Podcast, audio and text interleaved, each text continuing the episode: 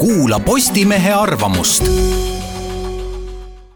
Postimees kahekümne kolmandal oktoobril kaks tuhat kaheksateist. Omniva juhatuse esimees Ansi Arumeel. postiteenus vajab ajakohastamist digiühiskonna areng on kaasa toonud universaalse postiteenuse mahu märkimisväärse vähenemise nii Eestis kui ka teistes riikides.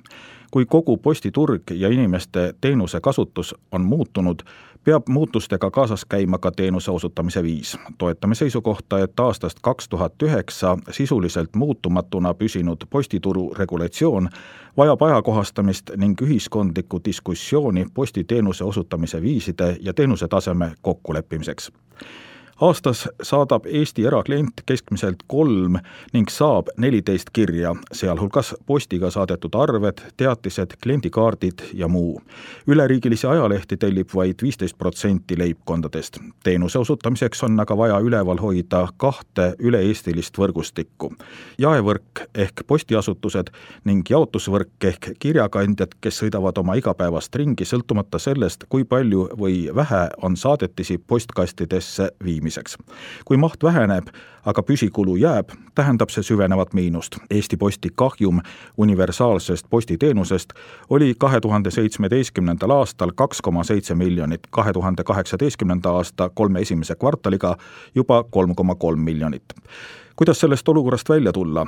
Eesti Post on aktiivselt otsinud uusi ärivõimalusi ning laienenud Eestist väljapoole. fakt, et Hiinast tulevast e-kaubandusest üle kahe protsendi käib läbi Eesti Posti, on rahvusvaheline edulugu ning sealt teenitav raha aitab katta Eesti universaalse postiteenuse kahjumit. samuti on ennast õigustanud pakiäri laiendamine Lätti ja Leetu, sealsed tütarettevõtted kasvavad ülikiiresti.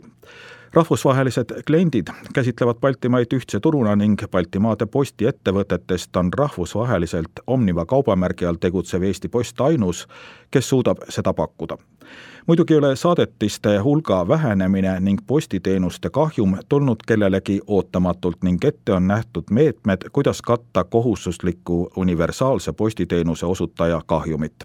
aastal kaks tuhat viis, kui valmistati ette uut postiseadust, sai selleks loodud universaalse postiteenuse fond. idee järgi teevad kõik turuosalised vabaturu teenuste pealt fondi makseid ning laekuvast summast kaetakse universaalse postiteenuse kahjum. Fond paraku tegelikult tööle ei ole hakanud, sest turu avanedes väikese Eesti kahanevale kirjateenuste turule uusi teenuseosutajaid sama hästi kui ei tulnud. universaalse postiteenuse fondi teeb makseid Eesti Post ise ning saab ise sealt raha tagasi. sisuliselt tõstetakse raha ühest taskust teise, kulutades selleks nii ettevõtte kui ka Konkurentsiameti inimeste ressurssi. aastal kaks tuhat kaheksateist on pealegi satutud surnud seisu, kus universaalse postiteenuse postiteenuse fondi tehtavad maksed on väiksemad kui universaalse postiteenuse kahjum, nii et fond on ka ise miinustes, olukord, mida seadust luues üldse ette ei nähtud. Olukorras, kus teenuste maht väheneb, on hinna mõistlikul, postiseadus kasutab mõistet taskukohane, tasemel hoidmine tõeline väljakutse, aga oma võimalused on siingi. Eestis saadetakse aastas umbes kaks miljonit margiga kirja, neist pooled jõuluajal. kirjast on saanud postkaart ning selle saatmine on emotsiooni, mitte info edastamine mitu naaberriiki on sama trendi süvenedes läinud seda teed, et kirjateenusel on kaks kandekiirust. tavakiri, mis viiakse kohale kas kolmandal või isegi viiendal päeval ning kallim niinimetatud kiirkiri, mis toimetatakse kohale järgmisel päeval, näiteks kulleriga. sellist muudatust tasub kindlasti kaaluda ka Eestil. pakub see ju inimestele võimalust saada kirju postkaarte senise hinnaga, plaanides saatmist lihtsalt pikemalt ette oleme väga rõõmsad, et Eestis on kirjade saatmine ligi kümneaastase vähenemise järel vähemalt korraks veidike kasvanud. Eesti Post on ka omalt poolt pingutanud kirja saatmise populariseerimise nimel.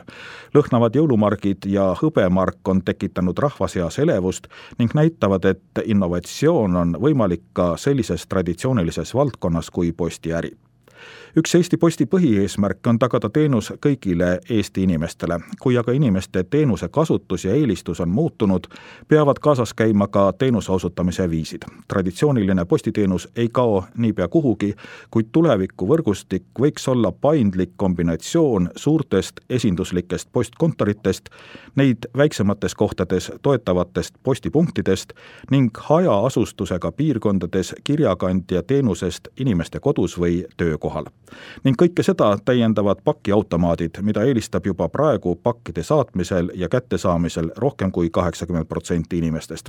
selleni, kuidas see kõik hakkaks täpselt välja nägema, tulekski jõuda ühiskondliku diskussiooni käigus. Eestil on siin võimalus luua Euroopa kõige moodsam postiteenus, mis oleks innovaatiline ja teeniks kõikide sihtgruppide huve